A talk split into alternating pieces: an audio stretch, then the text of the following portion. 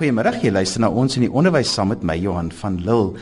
Ek gesels vandag met Marietta Prinsloo en ons praat vandag oor hoe kan ons kinders laat inkoop in hulle eie ontwikkeling.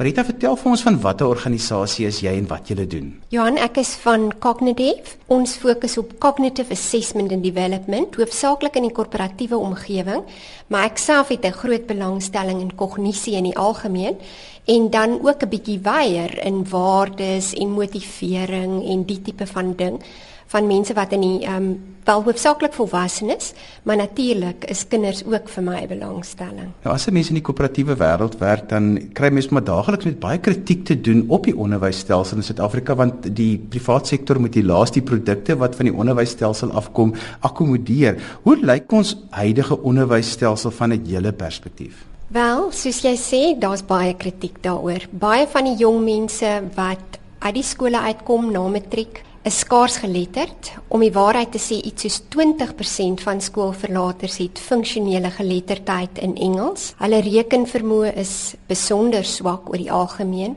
Die universiteite kla veral oor die kinders se kritiese denke. Die kinders dink nie onafhanklik nie. Hulle wys nie werklik diepte van insig en diepte van belangstelling in hulle veld nie.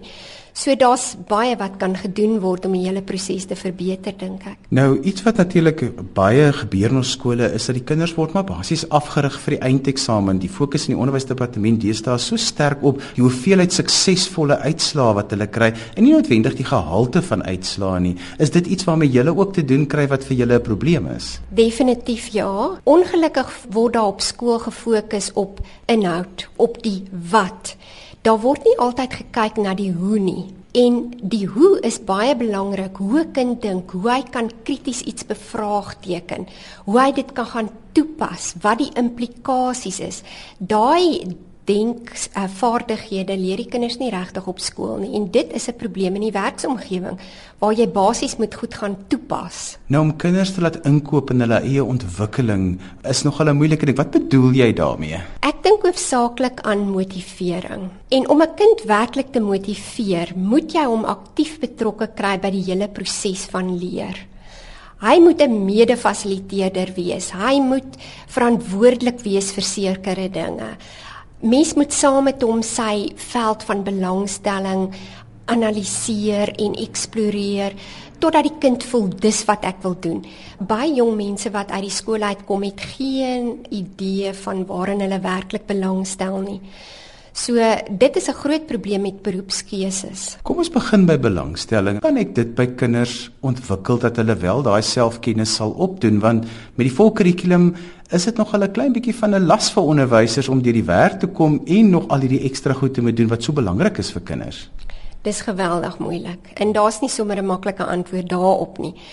Om by die kind geneigtheid te skep om te eksploreer is maar basies al wat mens kan doen. Die belangrikste ding wat die onderwysers maar kan doen is om die kinders te kry om 'n houding van eksplorasie of 'n geneigtheid om te eksploreer te ontwikkel. As ons daar gaan en ons sê ons wil hê kinders moet nie skieurig wees oor hulle wêreld want dis eintlik mos maar wat eksplorasie is. Speel metakognisie tog 'n belangrike rol? Verduidelik vir ons hoe dit werk. Miskien kan ek net vir jou 'n baie eenvoudige model gee waaroor ek meeste van my werk gedoen het en meeste van my metingsinstrumente is daarop gebaseer. As mens kyk na die denkproses wat eintlik moet ontwikkel word op skool, dit is nou die hoe, die hoe van denke en nie net die wat wat die inhoud is nie. Dan sien jy hoofsaaklik mens kan natuurlik 'n ander perspektief daarop hê, maar mens sien hoofsaaklik die prosesse van eksplorasie eerste As 'n mens byvoorbeeld in enige situasie kom, moet jy dit kan eksploreer en sien wat is belangrik en wat is duidelik en wat is nie duidelik nie. Daai proses word nie werklik aangespreek in die opvoedkundige proses nie weens verskeie praktiese eise. Jy weet die klasse is groot en daar's nie tyd nie ensovoorts, maar eksplorasie is een belangrike proses. Die tweede een wat belangrik is en wat wel aangespreek word in die skoolkonteks is die van analise. En dit gaan daaroor of die kind kan leer om dinge uitmekaar te trek, die subkomponente te identifiseer en die verbande tussen subkomponente te identifiseer. Um en te kyk na verhoudings en reëls wat betrokke is in die spesifieke onderwerp waar waarmee hy deel. Die derde denkproses wat ongelukkig ook nie aangespreek word op skool of nie voldoende aangespreek word nie, is die van hoe 'n kind dinge moet struktureer. Met ander woorde, 'n modelletjie teken, 'n 'n hiërargiese modelletjie of 'n flowchart of wat ook al, kategorieë identifiseer of wat ook al. En dan natuurlik die vrae wat hy vir homself moet vra terwyl hy hierdie inligting struktureer. Want as 'n kind nie kan struktureer en die belangrikste uithaal en die subkomponente identifiseer en dit alles saam sit nie, dan kan hy totaal oorweldig word deur sy hoeveelheid werk. Die volgende denkproses is die van transformasie en dit word baie selde aangespreek. Dit gaan daaroor as jy reeds iets verstaan of jy 'n oplossing of wat ook al, Hoe kan jy dit verander en kreatief aanpas om by ander omstandighede aan te pas of ander eise aan te pas? En reg deur hierdie hele proses is daar uh, eh, geheue, die memory prosesse waarvan ons wat basies die platform is waarop denke geskied. So hierdie hoofprosesse van eksplorasie, analise, strukturering, transformasie en geheue is wat die kind gewoonlik toepas. Die kritiese ding met denkopleiding is om by die kind metakognitiewe bewustheid te ontwikkel. Nou metakognisie is 'n selfbewussyn. Dis sekere vragies wat jy vir jouself vra terwyl jy dink. Byvoorbeeld as jy eksploreer, moet jy vir jouself vra: Is dit duidelik? Is dit relevant? As jy byvoorbeeld analiseer, moet jy vir jouself kan afvra: Is ek akkuraat? Moet ek meer akkuraat wees? Wat is die reëls? Wat is die verbande tussen hierdie komponente? By strukturering moet jy vir jouself vra, maak dit sin? Nou baie baie kinders sal nooit vir hulle self vra, maak dit sin nie. Hulle sal nie kyk, ek weet nie wat se Afrikaanse woord nie, maar die coherence van 'n struktuur, hoe 'n struktuur samehang. Hulle hulle kyk nie daarna nie. Hulle kan nie goeders integreer nie. Al hierdie aspekte is vrae wat jy jouself moet afvra as jy struktureer. As jy transformeer, moet jy vir jouself vra, maar wat is die doel? Hoe gaan ek dit toepas? Wat is die implikasies? Die why, die vraag van waarom? Weereens word dit nie genoegsaam geoefen nie. Nou hierdie metakognitiewe riglyne moet 'n mens eintlik gedurende jou skoolloopbaan internaliseer sodat dit deel is van jou hele repertoire van skills. Goeie denkers is denkers wat daai metakognitiewe riglyne geïnternaliseer het en wat hulle self kan help om krities te dink. Ek dink dit wat jy sê klink soos musiek op my ore want dit is so belangrik dat ons dit moet sê want dit is die goed wat universiteite oorkla, onderwysers kla dit. Hoe gaan ons dit aan ons leerders oordra? Hoe waar begin ek as ek hoor en ek hoor ek weet hierdie goed is belangrik en ek wil graag dit in my klas toepas. Hoe maak ek? Waar begin ek? Onderwysers het 'n baie moeilike taak. Hulle sit met groot klasse, hulle het geweldig baie admin.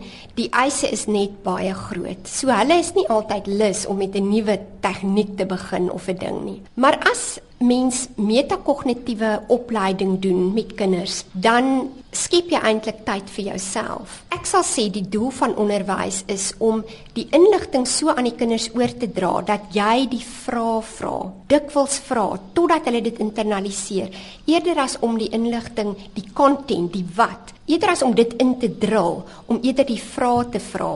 Met ander woorde, herhaaldelik te vra, goed, kyk na hierdie paragraaf, wat hier is die kern? Wat is relevant? Goed. Wat is die subkomponente? Waaruit word hierdie situasie opgebou? Is hierdie een noodwendig belangrik? Nee, wat? Jy weet sulke tipe van metakognitiewe vrae. So eerder as om die inligting te gee, om eerder die relevante vrae te vra totdat die kind dit self begine vra. Want dit is wat in baie gemeenskappe en baie gesinne gebeur. Die ouers sal die heeltyd vra, "Hm, wat dink jy is belangrik?" of Hoe dink jy wat kom eerste? Hoe gaan ons dit prioritiseer? Of maak dit regtig sin of is dit noodwendig so? Daai tipe ding. As jy mens met enige onderwyser praat wat sopas vraestelle nagesien het, dan sê hulle baie keer vir hulle kan nie glo wat kinders daar neerskryf nie want dit maak baie keer net nie sin nie. So voel jy dis waar 'n mens moet begin dat 'n mens vir daai vaardigheid moet leer om te dink oor wat hulle gedoen het. Absoluut. Hoe meer um, die kind kan reflekteer oor waar hy 'n fout gemaak het, hoe meer word sy metakognitiewe bewustheid opgeskerp. Dis nie wonder dat hulle sê kinders wat praktiese vakke neem soos musiek en houtwerk en sulke tipe goed ontwikkel eintlik 'n beter metakognitiewe bewustheid nie. Want as jou stoel se pote in verskillende rigtings wys, moet jy jouself afvra waarom. Ons praat vandag oor 'n belangrike aspek van onderwys en dit is om kinders so ver te kry om hulle te laat inkoop in hulle eie ontwikkeling. My gas is Marietta Prinsloo. Marietta, een ding wat ek altyd vir mense probeer vra en min mense kon nog vir die antwoord daarop gee is: Hoe kry ek dit reg dat kinders verantwoordelikheid neem vir hulle eie ontwikkeling? Asof ek 'n goue antwoord daarop het. Ek dink baie het te doen met die eh, kultuur in die gesin, die ouers se houding, wat die kind sien by sy ouers en onderwysers ensovoorts. Ongelukkig in hierdie land het ons 'n kultuur van blameering. Jy weet dis altyd iemand anders se skuld. Nou dit leer 'n kind op 'n baie diep onderbewuste vlak dat ehm um, mens kan altyd die vinger wys in 'n ander rigting. Ek dink as 'n kind eers begin 'n sukseservarings het in 'n veld waaraan hy belangstel, dan begin daardie verantwoordelikheid en dinge na vore tree. Daar is ook 'n tendens in Suid-Afrika dat ons baie keer namens kinders besluit en ons hoor hulle nie regtig wanneer hulle vorendag kom met hulle eie belangstellings nie. Is daar enige wenke wat jy rondom dit vir vir ons luisteraars kan gee? Ja, ek dink 'n ouer en 'n onderwyser moet baie sensitief wees om as klankbord op te tree van die kind. En baie kinders weet al van 'n jong ouderdom af waarin hulle spesifiek belangstel of dit taal is en as hy horlosies uitmekaar haal op 3, dalk het hy daai tegniese instelling of wat ook al. So die ouer en die onderwyser kan baie fyn dophou wat die kind doen en wat hy sê. Want eintlik is dit in mense wese. Jou jou finale lewensdoel is al daar as jy 'n jong kind is. En ehm um, ja, mens kan dit sien by meeste kinders. Maar miskien moet ek net bysê, baie kinders het talente wat in alle velde. Hulle kan eintlik enige ding wees, maar daar sal iets wees waar voor die kind 'n passie het. Ek wil spesifiek vra na assessering want ek weet julle werk waar julle baie keer mense assesseer om hulle potensiaal te meet of om aanleg te toets om te kyk hoekom waar val goeders uit die bus uit. Dit is 'n komplekse veld en is daar lesse te leer vir onderwysers van wat julle doen? Ja, miskien moet ek net daar begin. IQ-toetse is 'n vreeslike gewilde ding in skole reg oor die wêreld. Op skool en selfs na skool, selfs in die werksomgewing doen hulle nog steeds IQ-toetse. Maar daar daar's 'n totale wanbegrip oor wat IQ-toetse eintlik behels. IQ-toetse kyk na een klein aspek van 'n persoon se denke, naamlik of hy logies analities dink op 'n konvergente manier, met ander woorde om die regte antwoord te kry, nie divergent om alternatiewe opsies te genereer nie. Konvergente manier in 'n domeinspesifieke veld, soos byvoorbeeld, jy weet, 'n verbale veld of 'n nie-verbale veld of wat ook al. So dis baie inhoudsryk uh, IQ-toetse. Maar dit is 'n druppel in 'n emmer aangesien 'n mens baie meer skills as dit het en jy dink op baie ander maniere ook. So eintlik is dit 'n jammerte dat mense kinders kategoriseer op grond van IQ want 'n hoogs kreatiewe persoon wat sogenaamde regterbrein, onthou linkerbrein, regterbrein is 'n um, 'n metafoor, dit is nie eintlik hoe die brein werk nie. Maar die regterbrein kan die kreatiewe tipes wat hou van idees en so en so, het nie noodwendig baie goeie IQ punte nie. Hulle sit ook baie moeilik in die linkerbrein as ek dit so mag noem, die metafoor linkerbrein. Um klaskamer en luister na vervelige feite. Hulle sou eerder interessante idees verkies of wat ook al. So ongelukkig is die hele toetstradisie in skole is rondom IQ en dit is 'n groot jammerte. Ons het nie werklik 'n oplossing nog vir kinders nie. My besigheid fokus hoofsaaklik op volwassenes of skoolverlaters. Wat ons wel, wat ek wel ontwikkel het, is 'n toets genaamd die Learning Orientation Index, die LOI vir skoolverlaters of graad 11 leerders wat hierdie denkprosesse wat ek nou net genoem het wat dit aan die hand van iets soos 15000 metingspunte eksternaliseer en volg om te sien hoe die kind sy denkprosesse toepas en dan die LOI gee 'n aanduiding van wat die kind se eh, verkose styl is van denke. Met ander woorde, is hy 'n metaforiese denker, is hy gestruktureerde of 'n logies analitiese of is hy 'n intuïtiewe denker? Daar's baie style waarna ons kyk. Dit sê ook wat se tipe ding hy die meeste van hou. Hou hy van logiese velde of hou hy van meer praktiese velde of uitdagende velde of die wêreld van idees of wat ook al.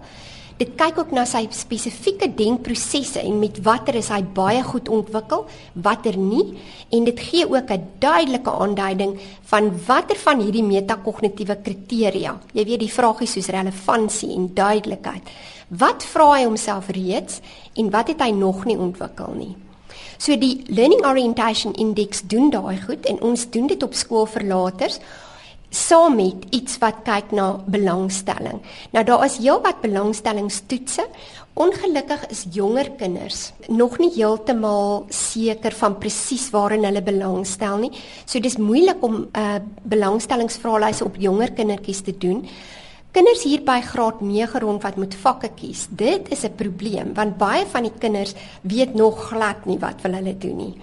En in daai geval is dit maar gewoonlik die belangrikste om te probeer deure oop hou, jy weet. As hy moontlik wiskundig of finansiëel gaan belangstel, dan moet hy tog maar sy wiskunde neem of wat ook al. Ek wil spesifiek vra na dit wat jy nou gesê het want dit is vir my so belangrik dat 'n mens dit moet weet van jou kind as jy 'n ouer is, maar ook 'n onderwyser moet dit weet van hulle van die kinders wat voor hulle sit, want as 'n mens dit weet, dan weet jy waarna is jou kind geïnteresseerd, dan weet jy wat hom motiveer en dan weet jy ook wat sy leer aandryf en dit laat hom inkoop in sy eie ontwikkeling. Dis reg ja, om werklik 'n kind te verstaan, wel die ouer is natuurlik in die heel beste posisie om dit te doen. Dink ek ouers moet probeer om so ver as moontlik hulle kinders bloot te stel, hulle nuuskierig te kry, dinge met hulle te bespreek, sien wanneer die kind se oë blink raak van belangstelling.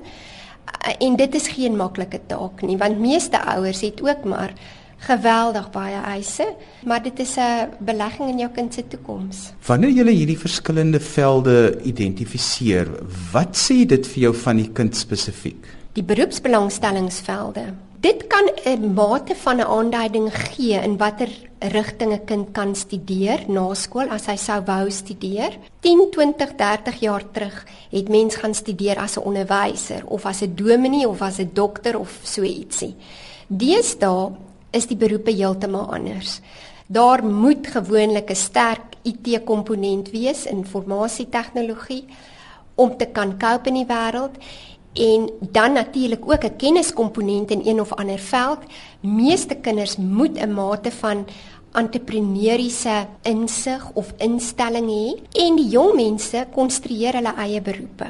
So dit is nie meer 'n gestruktureerde wêreld nie. Dit is 'n baie meer buigbare wêreld waarin mens vir jouself iets kan skep, 'n wêreld kan skep. So daai belangstellingsvraelyse kan tog wel 'n aanduiding gee van waarin jy moontlik kan belangstel, maar die ander aspekte moet tog ook aangespreek word. As ek 'n skoolhoof is en ek luister vandag en ek hoor nou van hierdie instrumente waarmee jy kinders of leerders assesseer, hoe kan ek dit in my skool implementeer?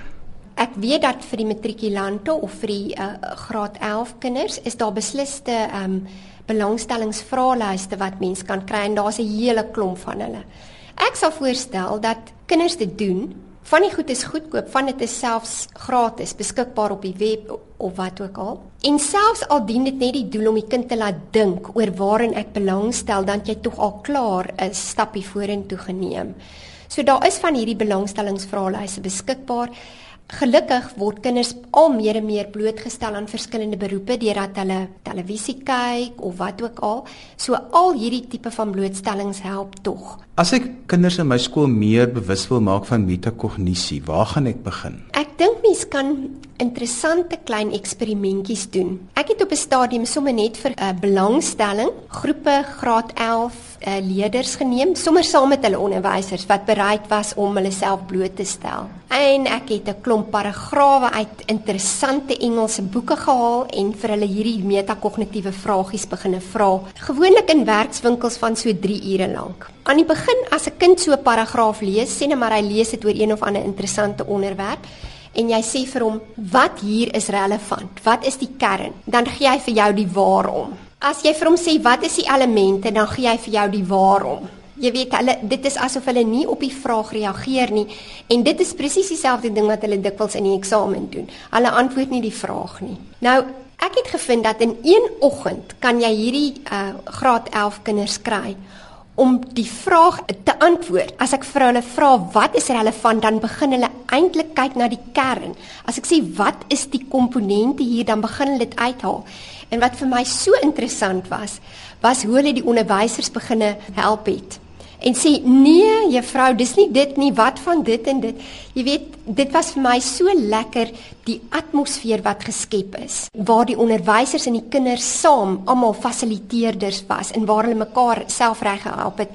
En ek kan vir jou sê die resultate is so vinnig Ek het al met graad 6 en 7 kinders gesien. As mens byvoorbeeld 'n geskiedenisboek vat en jy probeer hulle leer om die belangrikste aspekte uit te haal en dan 'n klein diagrammetjie te teken van wat betrokke is. Aan die begin is dit vir hulle absoluut Grieks. Binne 4, 5 uurlikse sessies doen daai kind dit selfs al het hy van tevore totaal gedryf in daai vakgebied. Nou ja, dis alwaar vir ons tyd het vandag Marita as mense met jou wil kontak maak. Wel, soos ek sê, ons fokus hoofsaaklik op die korporatiewe mark, maar hulle is bel, baie welkom te kyk na my webblad, uh, Cognitive, worldwideweb.cognitive.co.za.